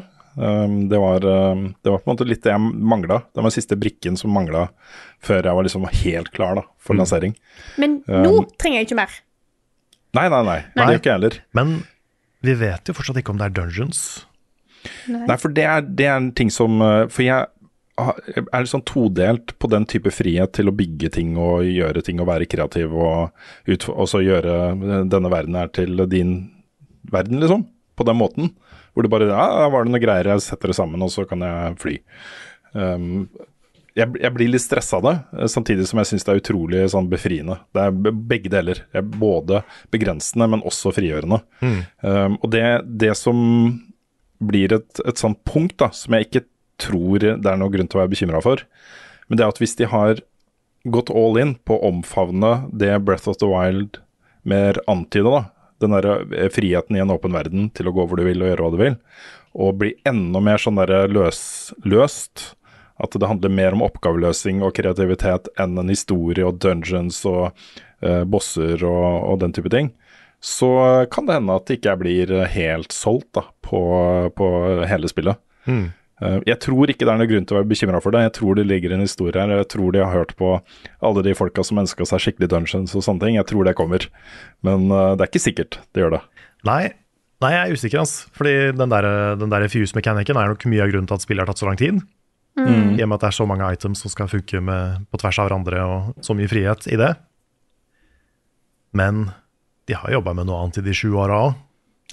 Altså, det, da jeg tenker, når var det siste DLC-en kom ut? Eh, da var jo Var ikke det 2018 eller noe? eh, Ja, det var eh, eh, Champions Ballad. Enten 2018 eller slutten av 2017, tror jeg. Ja. Eh, den kom i slutten av 2017. Ja. Eh, så la oss si 2018, da. Så da er det jo i hvert fall Ja, da er det, eh, da er det jo fem år i hvert fall, da. Eh, Siden de var ferdig med den. Eh, jeg eh, henger meg veldig opp i én detalj, og det er én ting de sa veldig tidlig, rett etter de viste fram dette her, og da var at dette her skulle bli dark. Eh, og at det var snakk om liksom eh, dystert i samme grad som Majora's Mask. Og Ja, for det har vi ikke sett så mye av ennå. Nei, eh, og da er på en måte den biten som gjør at jeg håper at de fortsatt har en del eh, historie involvert her. Mm. Ja. Jeg har sett mye kule spekulasjoner, om, eh, fordi det er, en, eh, det er en bit med concept art, hvor du ser Selda holde en slags eh, Sheikah Slate. Og da er spørsmålet, betyr det at det, finnes, at det er playable segments med Selda, og at Link har en sånn rar arm? Er det armen til Ganondorf? Har, Ja, for liksom, det- har Link og Ganondorf en connection? Er det noe der? For det er helt klart, altså du har sett i det gameplay-demoen at eh, de mørke tingene på armen hans lyser jo opp når han eh, merger ting. Eh, de tingene, de, de stokkene som han bandt sammen dette her eh, slimet. Eh, det er helt klart et eller annet der, og jeg vil tippe at da er story-relatert. Veldig spent på hva, i så fall. Så jeg tror Mm. det er det jeg er mest spent på, er å finne ut mer av eh, historien. For jeg håper virkelig at det er, eh, er historie her. Jeg hadde jo selvfølgelig blitt glad hvis det var enda mer historie enn det det var i første spillet, men hvis det er på samme, samme fordeling, så er jeg fortsatt ikke skuffa. Eh, det må jeg innrømme. Nei, for jeg, skjønner litt hvis de føler at Dungeons går imot designprinsippet i Breath of the Wild. Jeg kan skjønne det argumentet, liksom. Samtidig som jeg håper at de er der. Mm. Så det blir, det blir veldig spennende. Jeg er utrolig spent på hva det spillet egentlig er. Jeg føler ikke at vi vet det 100% ennå. Nei. Mine favorittøyeblikk fra Breath of the Wild, da, som er eh, ting som jeg eh, håper de kommer til å øh, jobbe videre med og ha med, ha med seg videre. Det, var, det ene var eh, det å komme til Hyrule Castle på vei til å ta Gendorf. Uh, var liksom hele den sekvensen hvor du kunne liksom få litt bakgrunnshistorie om hvordan ting var for 100 år siden, og finne gjenstander som hadde historisk betydning, og uh, hvor hvor sånn creepy det var. Hvor uh, annerledes opplevelsen ble med en gang du kom inn i det slottet og med all den påvirkninga som var der, ondskapen og sånt. Mm. Det var den ene tingen. Den andre tingen var den derre uh, helt mørke hula. Hvor du Alt var bare helt, helt, helt mørkt, og du måtte finne veien, og så var det en boss på slutten, og så var det bra lut og, og sånt. Um, og den tredje tingen var uh, hvordan hvordan på en måte world bosses fungerte, særlig disse dragene, da. Som bare spåna litt av og til, og du fikk skikkelig bra lut ved å farme de og, og sånt. Det var en sånn sek- en del av spillet som jeg satte veldig stor pris på. Det at du kunne farme de og få dritbra armor og masse penger til å kjøpe ting. Det var eh, alle, alle de tre tingene vil jeg ha mye mer av. Det er confirmed at dragen er tilbake. Du ser jo en Ja, drage kult. i himmelen på, på den gameplay-demoen. Ja, da skal jeg gå rett i en hule med pil og bue. Ja. Ut og legge planer og alt. Jepp. Yes. Jeg tror jeg sto i hvert fall ti timer i denne hula Oi, oi, oi. og farma. Jeg har aldri farma noe, tror jeg, i Breath of the Wild. Jeg har altså så mye penger på den saven jeg har på det spillet. Er så, jeg har så mye penger. Du har alle pengene, du.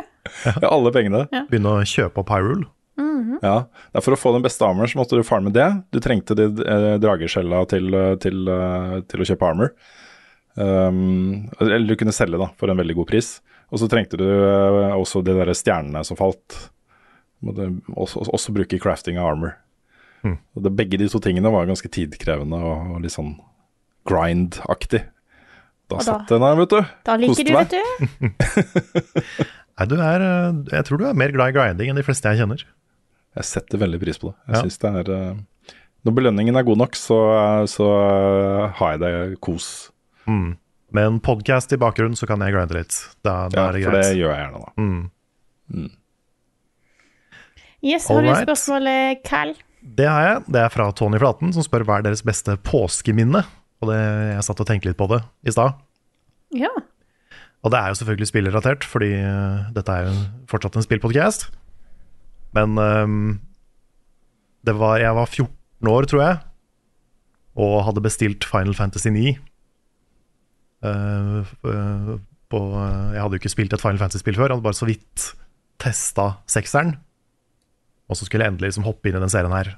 Og eh, hadde gått i flere uker og venta på at det skulle komme i posten. Og så kom det ikke. Og så skulle vi på hyttetur. Og jeg hadde jo ikke spill. Jeg hadde jo lyst til å spille det i påsken, men det kom ikke. Og så den dagen vi dro på hytta, så fikk vi melding fra posten. Så da henta vi det på vei til hytta. Wow. Og da satt jeg og spilte mitt nye favorittspill i hele den påsken. Ah, Så det var veldig kos. Det ble en fin hyttetur, med litt mindre ski enn det sikkert var planlagt. kult. Mitt beste er selvfølgelig The Gathering. Første gang jeg var på The Gathering. Det, er, det var litt av en opplevelse, altså. Så det var vel i 99 eller 2000, husker ikke helt. Rundt der. Det var utrolig kult. Utrolig kult. Det var første gangen jeg hadde liksom omfavna nerdekultur på den måten. Hvor salen var 5500 spillinteresserte folk samla på ett sted. En hel påske. Det, det, var, det var herlig også. Jeg, var, jeg hører med til historien at eh, jeg lå liksom ti minutter på betongen for å sove. Før jeg pakka sammen og så stakk over i motellet på andre sida av gata og booka rom der, da. så det har nok, med, har nok noe med de varme minnene å gjøre også. Men det var, det var kult, altså. For meg så er på en måte påsken er alltid hyggelig, men vi har alltid, vi har alltid Opp gjennom tida har vi alltid vært på hytta. Eh, de siste årene mens jeg var i Trondheim, så har det vært litt opp og ned. Vi har jo vært litt rundt omkring. Eh, vært litt hjemme med pandemien og sånt. Så jeg, jeg, jeg kommer ikke på et spesifikt minne, men jeg syns alltid det å være på hytta og bare slappe av og ta det rolig, eh, spille litt Megadrive, er alltid, alltid litt stas. Så jeg, eh, jeg ser veldig frem til det. Det er ganske mange år siden jeg har vært på hytta nå i påsken, fordi eh, diverse ting har skjedd. Så da det blir, det blir stas. Jeg må legge til, jeg har jo en del sånne minner også.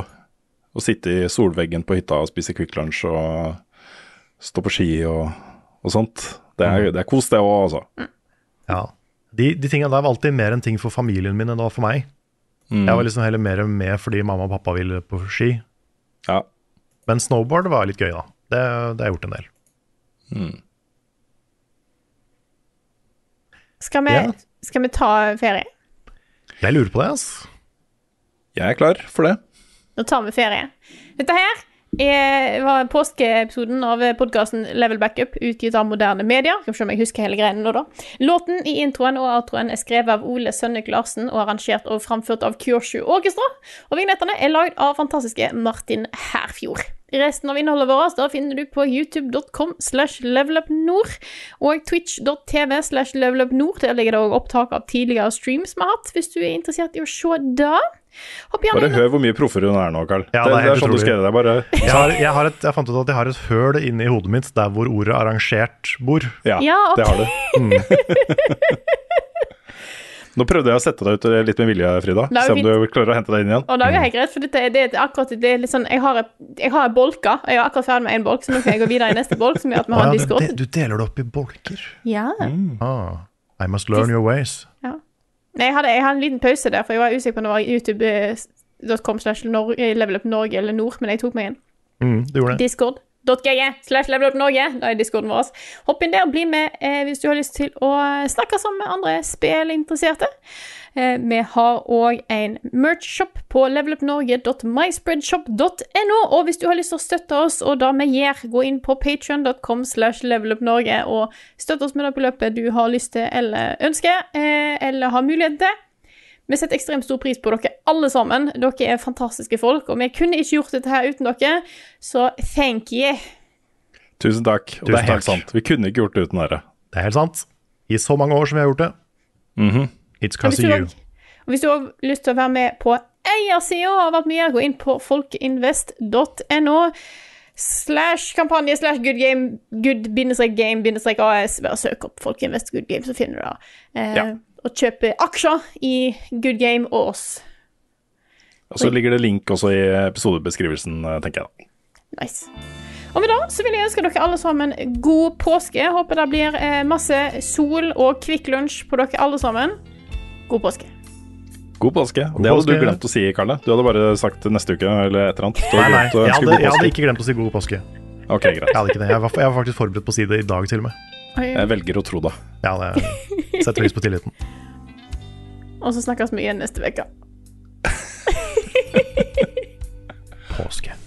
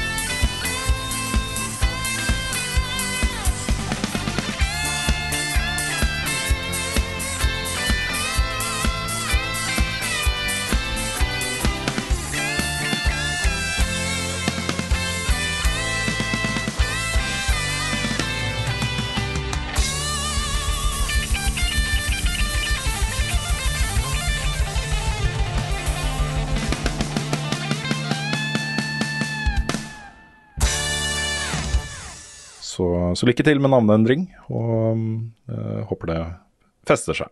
Ikke noe Burger King-ligaen der, altså. Manscaped-ligaen. Manscaped-ligaen. Audible.com-ligaen. Har du et enkeltpersonforetak eller en liten bedrift? Da er du sikkert lei av å høre meg snakke om hvor enkelt det er med kvitteringer og bilag i fiken, så vi eh, gir oss her, vi. Fordi vi liker enkelt. Fiken superenkelt regnskap.